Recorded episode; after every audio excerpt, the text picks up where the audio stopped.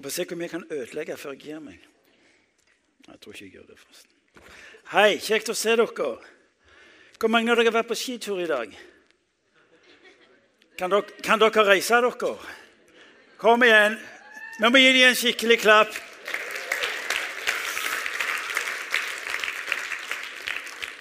Rett og slett imponerende. Bare rydde ferdig til. ja. Sånn, ja. Jeg nærmer meg. Jeg har ikke vært på skitur i dag. Jeg har vært på Impuls tidligere i dag, og så var jeg på gudstjeneste tidligere i dag. Og der hørte jeg Elling Ellingsen han talte i formiddag om nesten noe av det samme som jeg skal gjøre. Og Det var veldig bra. Og Det nye nå i IMI er at du kan faktisk gå inn på hjemmesida til IMI, klikke deg innpå, og der får du Elling nesten in natura. Det, jeg, jeg, jeg, sa nesten, jeg sa ikke helt.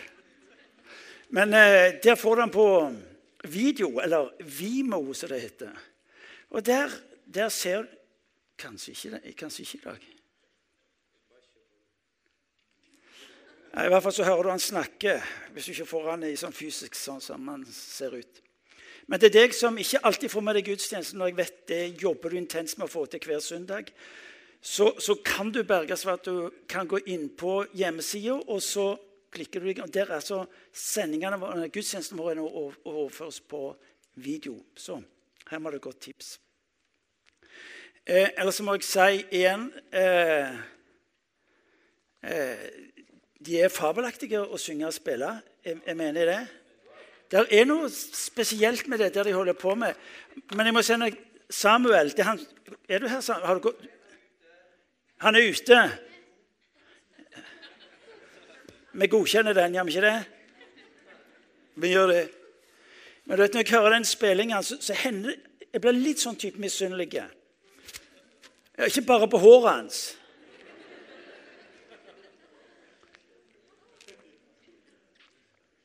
Det er lenge siden jeg hadde den muligheten. Men, men det hår nei, Men den gitarspillingen det, det, det, er jo, for galt at han ikke hører det. Men dere kan gi det til han i porsjoner, det jeg nå sier. Men han spiller omtrentlig alle former for instrumenter. Men jeg har sagt til han en gang, det gjør ikke så farlig, for en gang når jeg kommer til himmelen, så skal jeg spille like godt som han. Så jeg skal ta det igjen. I tre måneder skal vi altså her i IMI fokusere på ordet. Jeg husker en nabo som kom bort til meg og sa Hør, Martin. Jeg har alltid regnet jeg for å være rimelig oppegående, men du kan ikke mene at du tror på alt som står i denne boka, vel? Han mente Bibelen. Jo, så jeg har satsa livet mitt på den boka. Jeg sier nei, du er ikke riktig. Ja. Det vet ikke jeg. Jeg tok ikke opp den debatten med ham. Men det er et faktum at for svært mange mennesker i dette landet vårt så er denne boka totalt intetsigende, irrelevant og uten betydning i livet deres. Jeg ble frelst, eller jeg ble frelst, som det heter på de kanter av landet, for eh, ca. 43 år siden. Da begynte jeg å få et forhold til denne boka. Og Det som ble avgjørende i mitt liv som kristen, det var to ting. På den skolen jeg gikk på, så var det to typer budskap. Det ene var helvete. Det skjønte jeg var ikke noe sted å ende opp i. Så det var en del av min begrunnelse for å stoppe opp. Og det andre var at Jesus kunne ikke lyge. Jesus kan ikke lyge. Det vil være helt meningsløst at den, den personen som det knyttes så mye bra til Uansett hvem du spør blant mennesker Jeg husker en god venn av meg Ingebjørg Lindheim, for mange år siden. Hun hadde en sånn en anket, gikk rundt og så spurte hun folk, og så stilte hun de spørsmål. Og så var spørsmålet Når du hører navnet Jesus, hva tenker du på det? Og da forteller Ingebjørg at det utrolige skjer at mens jeg står der på gata i Bergen, så begynner folk å sette navn på, og der uttrykkes tårer begynner å trille når de skal fortelle hvem denne Jesus er.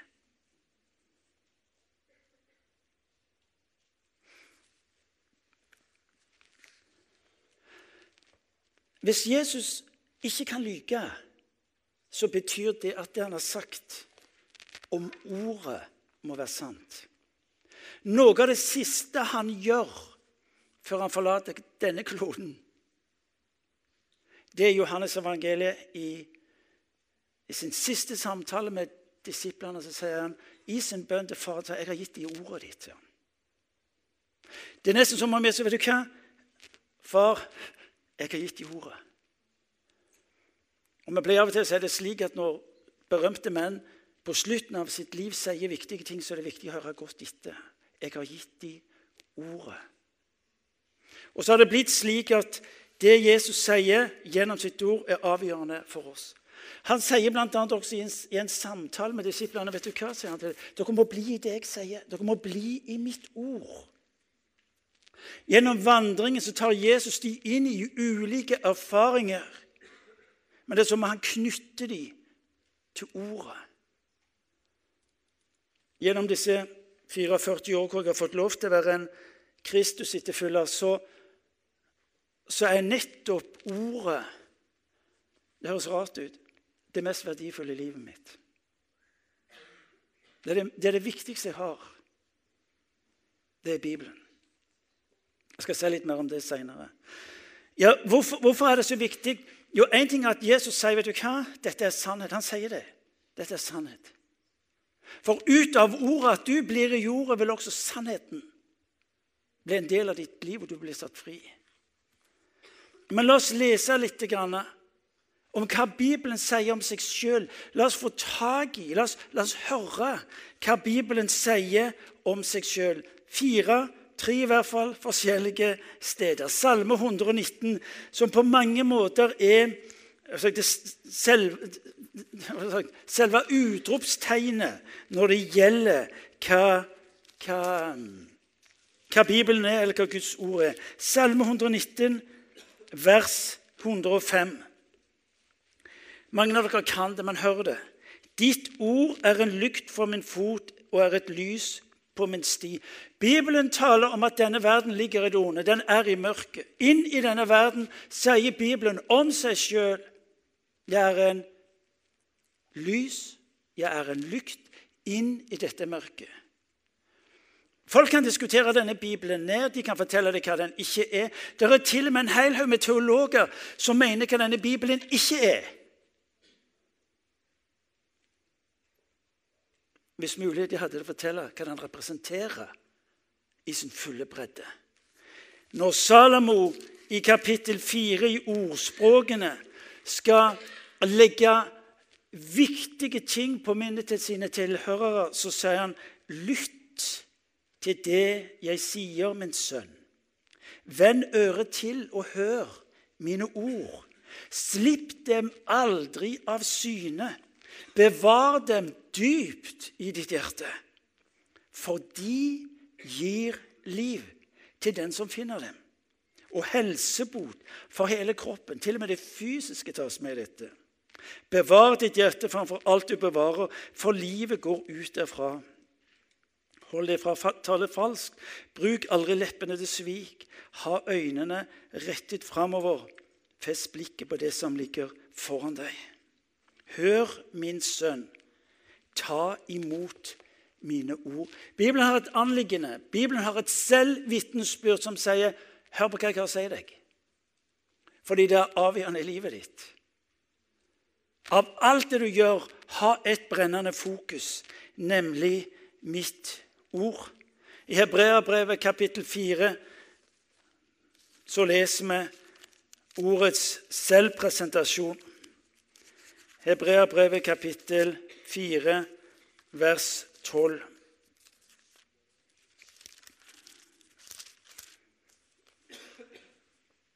For Guds ord er levende og virkekraftig og skarpere enn noe tveegget sverd. Det trenger igjennom til det kløver sjel og ånd, marg og bein, og dømmer hjertets tanker og planer. For Guds ord er levende. Denne verden overøses av ord. Gode ord, vonde ord, unyttige ord, you name it, av ord. Og så kan du spørre ja, men trenger vi noe mer ord, religiøse ord. Så har Bibelen et selvvitnesbyrd. Dette er ikke bare ord, bokstaver som har funnet sin plass på et papir. Disse ordene bærer med seg livet. Og så skal vi på denne biten avslutte med det som står i Johannes evangeliet, kapittel 1. For hva er det vi egentlig tørre? Hva er det vi egentlig møter i Bibelens selvvitnesbyrd? Det er nemlig at ordet er Gud. Og Hvis du forholder deg til Bibelen som poesi, og det må du gjerne gjøre, så har du redusert det til noe av det, til det eh, mest uvesentlige. Bibelen har aldri hatt ambisjoner om å være et litterært mesterverk. Til det, til det har vandringen vært altfor kronglete. Gamletestamentet er et resultat av en vandring på ca. 1500 år. 40 forskjellige forfattere. Men den har et anliggende, nemlig å gi oss livet. Johannes evangeliet kapittel 1. Der leser vi om ordet. Skal vi se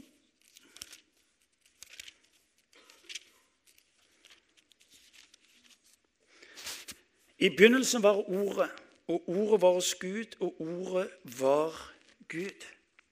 Når Bibelen i sin selvpresentasjon så omtaler den seg som Ordet. Ordet ble menneske og tok bolig iblant oss. Ordet fra, evighet, fra evigheten av til evighet.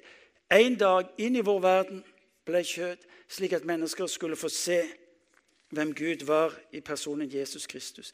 Men vil du vite mer om hvem denne Gud er, så vil Bibelen henvise til Ordet. Hva er så mitt forhold til Bibelen? Fordi jeg styres av sannhet, fordi jeg er skrudd sammen sånn, så vil jeg alltid spørre hva er rett? Og Det betyr at jeg på et vis og Nå snakker jeg om meg. På et vis flytter inn i Bibelen. Når livet mitt utfordres, når livet mitt er krevende, så vet de som går her i huset, og spesielt staben, så vet staben at det jeg da gjør, da flytter jeg inn, bokstavelig talt, i rommet mitt, på stolen min. Og så er det én ting som jeg sier, Gud, please, tal til meg gjennom ditt ord.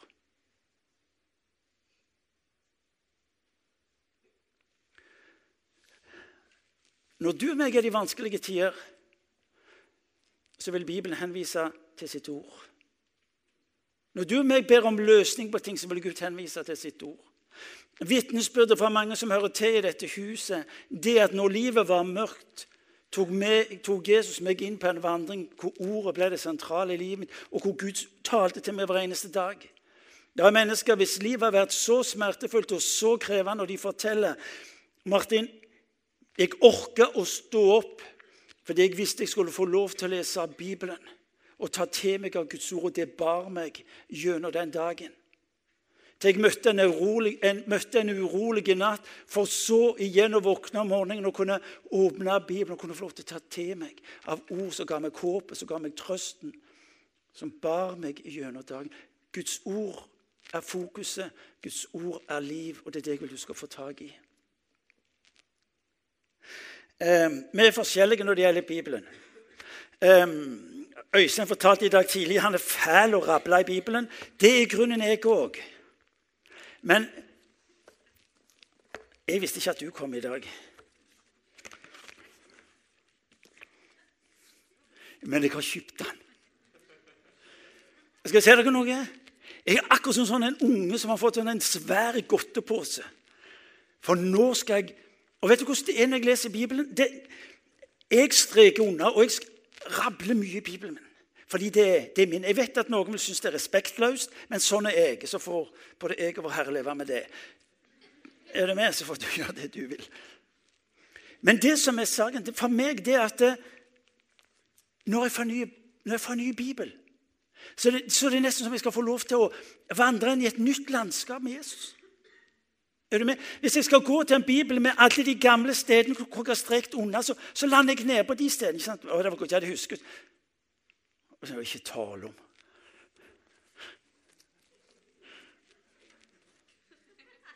Tar dere det?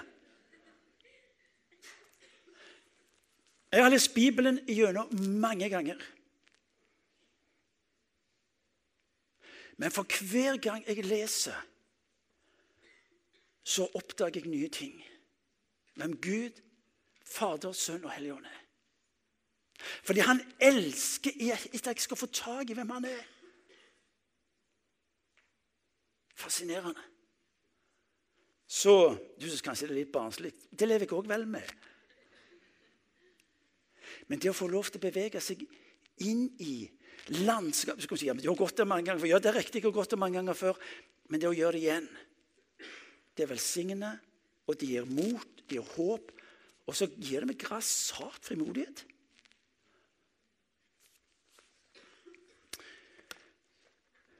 Hvis du ikke har kjøpt den, så kjøp den. Den nye Bibelen, altså.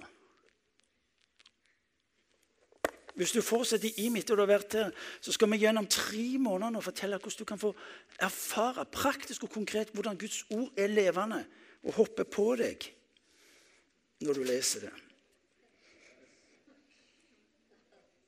Hadde det vært en pinsevenn der sto han hadde sagt halleluja. Hvor er, hvor er han henne? Jeg har en pinsevenn, halvpinsevenn forresten, for jeg holder på å skifte mening. Gjett om jeg kommer til å få høre det etterpå. ja, ja. Jeg får leve med det. Vet du hva som er så avgjørende viktig? For Ditt forhold til Bibelen vil også si noe om ditt forhold til Gud. Det er jo det som er saken. Ditt forhold til Guds ord sier noe om ditt forhold til Gud.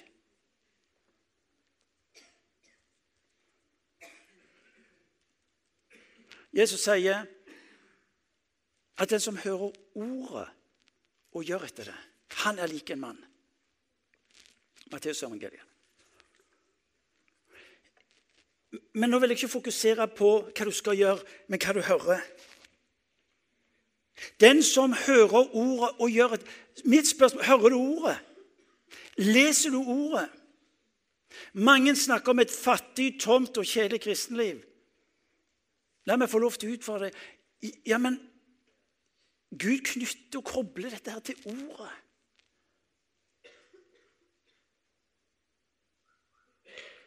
Det er avgjørende viktig i ditt og mitt liv. Jeg går på, jeg går på medisiner fordi jeg har en såkalt hjertelidelse. Og Legen har sagt til meg vet du hva, hver enda morgen tar du den, og ikke noe tull. Ja, så er det greit, jeg skal ta den. Av og til skulle jeg ønske at vi som pastor kunne sagt denne tar du hver morgen, og ikke noe tull. Nei, du tar den, du skjønner poenget mitt. Poenget er nemlig at ditt liv og mitt liv styres av det som går inn i huet vårt. Ditt og mitt liv er faktisk et sted hvor vi utfordres på å leve som Gud hadde tenkt. For saken er den, for som du tenker i ditt hjerte, slik blir du. sier i kapittel 23, vers 7. Hvorfor møter vi et vitnesbyrd fra Jesus om å bli i mitt ord? Ja, fordi at Hvis vi blir i Hans ord, så får Han lov til å prege oss med livet i ordet. Skal vi leve i det Gud har for oss, så må vi få lov til å tenke Guds tanker og handle på disse. Fornyelse av sinnet, som det står i Romerbrevet kapittel 12, vers 2. Bli fornyet ved for, bli forvandlet ved fornyelsen av deres sinn. Betyr det at Guds ord får plass imellom dere. Dersom dere blir i mitt ord, sier Jesus, da er dere i sannhet mine disipler, og dere skal kjenne sannheten, og sannheten skal frigjøre dere eller sette dere fri. Når dere blir i mitt ord Bibelen gir oss kunnskap. Bibelen gir oss informasjon. Eh, Bibelen gir oss mange interessante ting, men Bibelen har et, har et hovedfokus. Det er å ta deg inn i Jesus-relasjonen, slik at du kan erfare hvem han er, og hva han ønsker å være i ditt og mitt liv. Bibelen er noe langt mer enn teologiske sannheter. Det er invitasjon å bli en del av en relasjon med Han. Menighetens hovedoppgave, om du vil, det er å få sin rett med Gud pastorens og prestens og de ulike tjenester. Det hjelper folk til å få sinnet vårt rett med Gud. Hva var det Jesus gjorde med disiplene gjennom tre år? Det var, det var justere det i henhold til Guds rike, måten å tenke på. Når Jesus begynner å trekke opp scenarioer av det som kan være vanskelig, så, så slår jo Peter til med sunn fornuft. Nei, Jesus, dette kan ikke gå an. Jesus forteller jeg må dra til Jerusalem, jeg skal lide og dø. Og Peter tar ansvar som skikkelig leder. Nei, nei, nei, det kan du ikke gjøre for noe. Og Jesus sier på ham, vet du hva? Hold deg vekke. Fordi du har ikke sans for det som hører himmelriket til. Skal du og jeg få lov til å leve det livet som Kristus har for oss, så tar han oss inn i ordet. Det er nesten som å bli justert, slik at vi begynner å tenke hans tanker. For det du tenker, det er det du blir. OK? Dere som ikke har det helt på taket, eh, kan melde dere på Teleos-kurset som har her hjemme i kirka litt senere til våren. Profeten sier i Hoseas kapittel 4, vers 6.: Mitt folk går til grunne fordi de ikke har kunnskap. Fordi du har forkastet kunnskapen, forkaster jeg deg. Et alvorlig perspektiv. Ja, men kan du si Forkaster de Guds ord? Ja, men kan du si, ja, men det har ikke jeg gjort. Forkaste betyr ikke at jeg fysisk sett hiver det vekk. Forkaste betyr rett og slett å overse, neglisjere, ikke bry seg, ikke ta det på alvor, ikke ta det med meg. Den hellige ånd sier, og Om Den hellige ånd så, står, så sier Jesus han skal ta mitt av ordet og gi til dere. Den hellige ånd handler i henhold til Guds ord. Første brev til kapittel 2, vers 16, så sier Paulus med stor frimodighet Men vi, vi har Kristi forstand. Altså, Paulus er opptatt med å koble sin selvforståelse som apostel, som utsending, til at ord har grepet tak i han på en slik en måte at jeg tenker og handler i henhold til det Guds ord har formidla til meg. En god setning som jeg tror jeg har tatt fra en eller annen. Det åndelige sinn er ganske enkelt å la Kristi sinn arbeide i våre liv. Hvorfor er jeg må ta det nye nå. Hvorfor er det så viktig med Bibelen? Jo, fordi at den driver på å omprogrammere måten din å tenke på. Måten du ved det handler på. Hør nå, Ditt liv forandres ikke ved at du bestemmer deg for å forandre et eller annet, men ved å la Guds ord få lov til å ta det inn i livet ditt.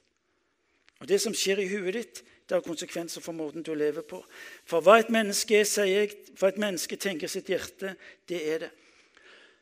Kampområdet i ditt liv er sinnet ditt. Tankene, måten du tenker på. Sinnet er forløperen til alle dine handlinger. Er du med? Altså, Våre handlinger er et direkte resultat av tankene. Målet er i Bibels tenkning å bytte ut et feil tankesett med et rett tankesett. Derfor sier Paulus i romerbrevet la dere bli forvandla ved fornyelsen av sinnet ved Guds ord. Vi skal begynne å slutte to ord som tar oss inn i dette. Det ene er ifra Salme 1. Når vi sier at Guds ord er levende, er liv, så betyr det også at det skaper, det nyskapet. I Salmenes bok, kapittel 1 Åpner med andaktene her. Det er ikke så lett, skal jeg fortelle deg. for det i det nye så står all informasjonen nederst, hvor du kom til i den gamle sto det øverst.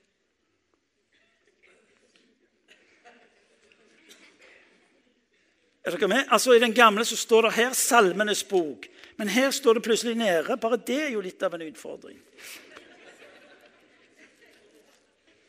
Det kunne vært et godt grunnlag for å avvise Men jeg tror ikke vi tar opp den debatten her nå.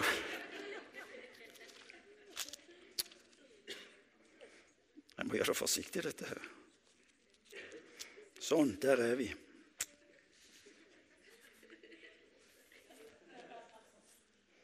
Hør, hør hvor nydelig det som står. Salig er den som ikke følger lovløses råd, ikke går på synders vei og ikke sitter i spotteres sete, men har sin glede i Herrens lov og grunner på den dag og natt. Så vakkert. Så flott. Men vet dere hva som fascinerer meg mest? Det er det som kommer etterpå. Og der står det Hør fortsatt med hvor vakkert, men også hvor sterkt. Han er lik et tre plantet ved rennende vann. Det gir frukt i rett tid, og løvet visner ikke. Alt han gjør, skal lykkes. Det er et drabelig løfte. Det er ikke meg. Hvis det hadde vært mitt, så hadde noen sagt må du roe deg, Cave. Men hvis det er sant at Jesus ikke kan lyge, hvis det er sant at det som står her, er sannhet Jeg hadde en teologisk professor i min ungdom som sa Martin, du kan ikke ta alt i Bibelen så bokstavelig talt. Du må bruke den rette bruksanvisningen.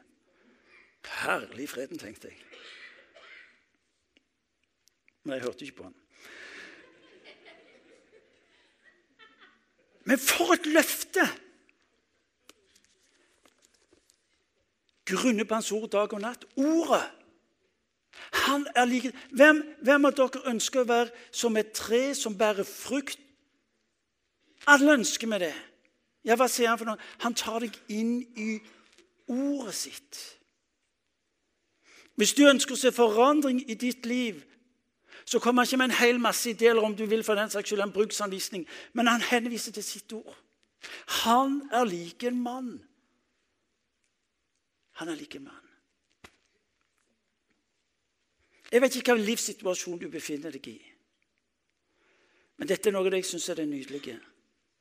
Det at Når livet korker seg til, og jeg syns at kjære Gud Så får jeg lov til å være i Ordet. Ja, men jeg, ja, men jeg hører ingenting. Ja, men Så fortsett å, å være stille, da. Ja, men han taler ikke til meg. Det kan være at du du lever så drabelig travelt. og altså, Vær nå litt stille. Du, sier, husker du det han sier til israelsfolket?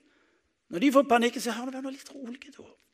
Vær stille og vit at jeg er Gud. Jeg har noe å si deg. For den Gud som elsker deg, han ønsker å tale til deg. Og så blir din vanskelige situasjon hans mulighet til å ta, seg, ta deg inn i det som er av seg. Han er lik en mann Jeg vet ikke hvor du befinner deg i livet. Men han gir deg ingen bruksanvisning eller lettvinte løsning. Men han, han fører deg til Hvorfor fører han deg til ordet? Jo, fordi da fører han deg til seg sjøl. Det er det som er evangeliet. Pinsevennen har sovna.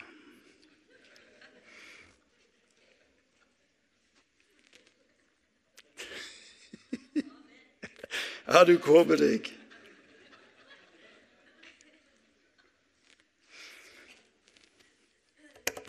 Saken er den Saken er den Ikke le. Jeg prøver å slutte. De av dere som er gjester i huset vårt, de, det er noen setninger som jeg gjentar hele veien. Og Jeg kommer bare ikke ut av sporet. Det er sånne hakk i plata. Spesielt Akta-studentene har hørt det noen ganger. Salmisten kunne ha valgt en annen løsning på livet sitt, men han valgte ordet. Du utfordres i disse dager, og skal utfordres i flere uker, for meg til å velge ordet. For nettopp ved det slipper du livet inn i ditt liv på en slik måte at liv forvandles.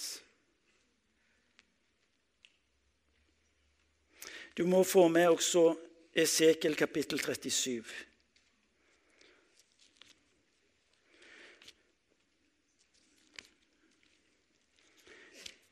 Esekiel ble ført av Gud til en dal hvor det bare døde bein.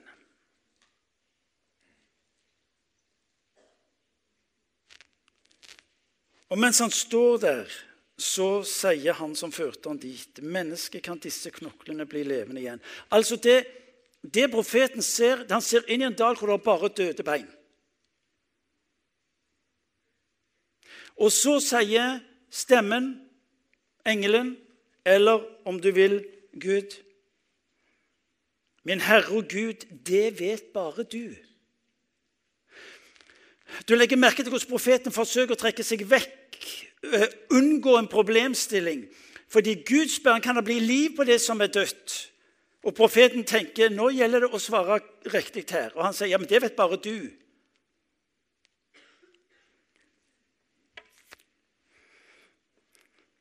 Da sier han, Gud, tal profetord over disse knoklene og si til dem, tørre knokler, hør Herrens ord. Så sier Herren Gud til disse knoklene, se, jeg lar det komme ånd i dere, så dere blir levende. Og så videre. Da skal dere kjenne at jeg er Herren. Jeg talte profetord slik jeg hadde fått eh, påbud om. Dette kan diskuteres hva det betyr, og alt det der. Her skal du få min tolkning. Når profeten ser utover de døde beina i dalen, så ser han det som er dødt. Gud forteller han hva han ser, nemlig han ser en hær.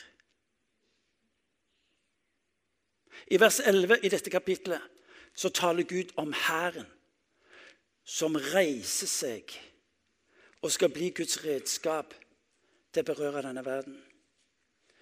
Der du ser det som er dødt, håpløst og avgjort, ser Gud det som er liv, og det som skal ha betydning, fordi han ser hva ordet skal skape når du og meg vil gi ordet videre til de som trenger å høre det. Så i kveld, mandag og dagen som kommer Når du møter de håpløse situasjonene, og du fornemmer at Gud sier til deg kan det bli liv av dette, mon tro, så kan du gjøre som profeten gjorde første gang. Det vet du. Og Gud sier til profeter liv inn. La Ordet skape liv i det som er det håpløse. Til det har du mottatt livet. Til det var det jeg kom for. Si ordet, det levende ord, til de mennesker som du treffer. La det få bolig i ditt eget liv, og la det få lov til å gjøre sin gjerning i menneskers. La oss be. Herre, jeg takker deg fordi du har gitt oss denne vidunderlige skatten som ditt ord er. Jeg takker deg, far, fordi du har midt imellom oss, i den enkeltes liv, har du rekt oss denne kostelige gaven. Full av liv, full av sannhet, full av kraft, full av nåde, full av trøst, full av håp. Herre, jeg takker deg. Jeg takker deg. Fordi du har sagt at ingen av oss skal være nødt til å vandre gjennom denne dagen i mørket, denne, denne verden i mørket. Fordi du er liv. kommer til oss ved ditt ord. Så jeg ber, Herre, livets ord inn i den enkelte av oss som sitter her. Og Kanskje er du her i kveld som ikke er en Kristus-etterfølger, som ikke bekjenner deg som en kristen. Det ordet du har hørt i, i kveld, det er Gud som taler sannhet. Uten han er du fortapt. Men med han får du alt det du trenger for liv og for evighet. Gud velsigne deg til å omfavne det ordet som han rekker deg gjennom Bibelen og gjennom mennesker som du treffer på din vei. Amen.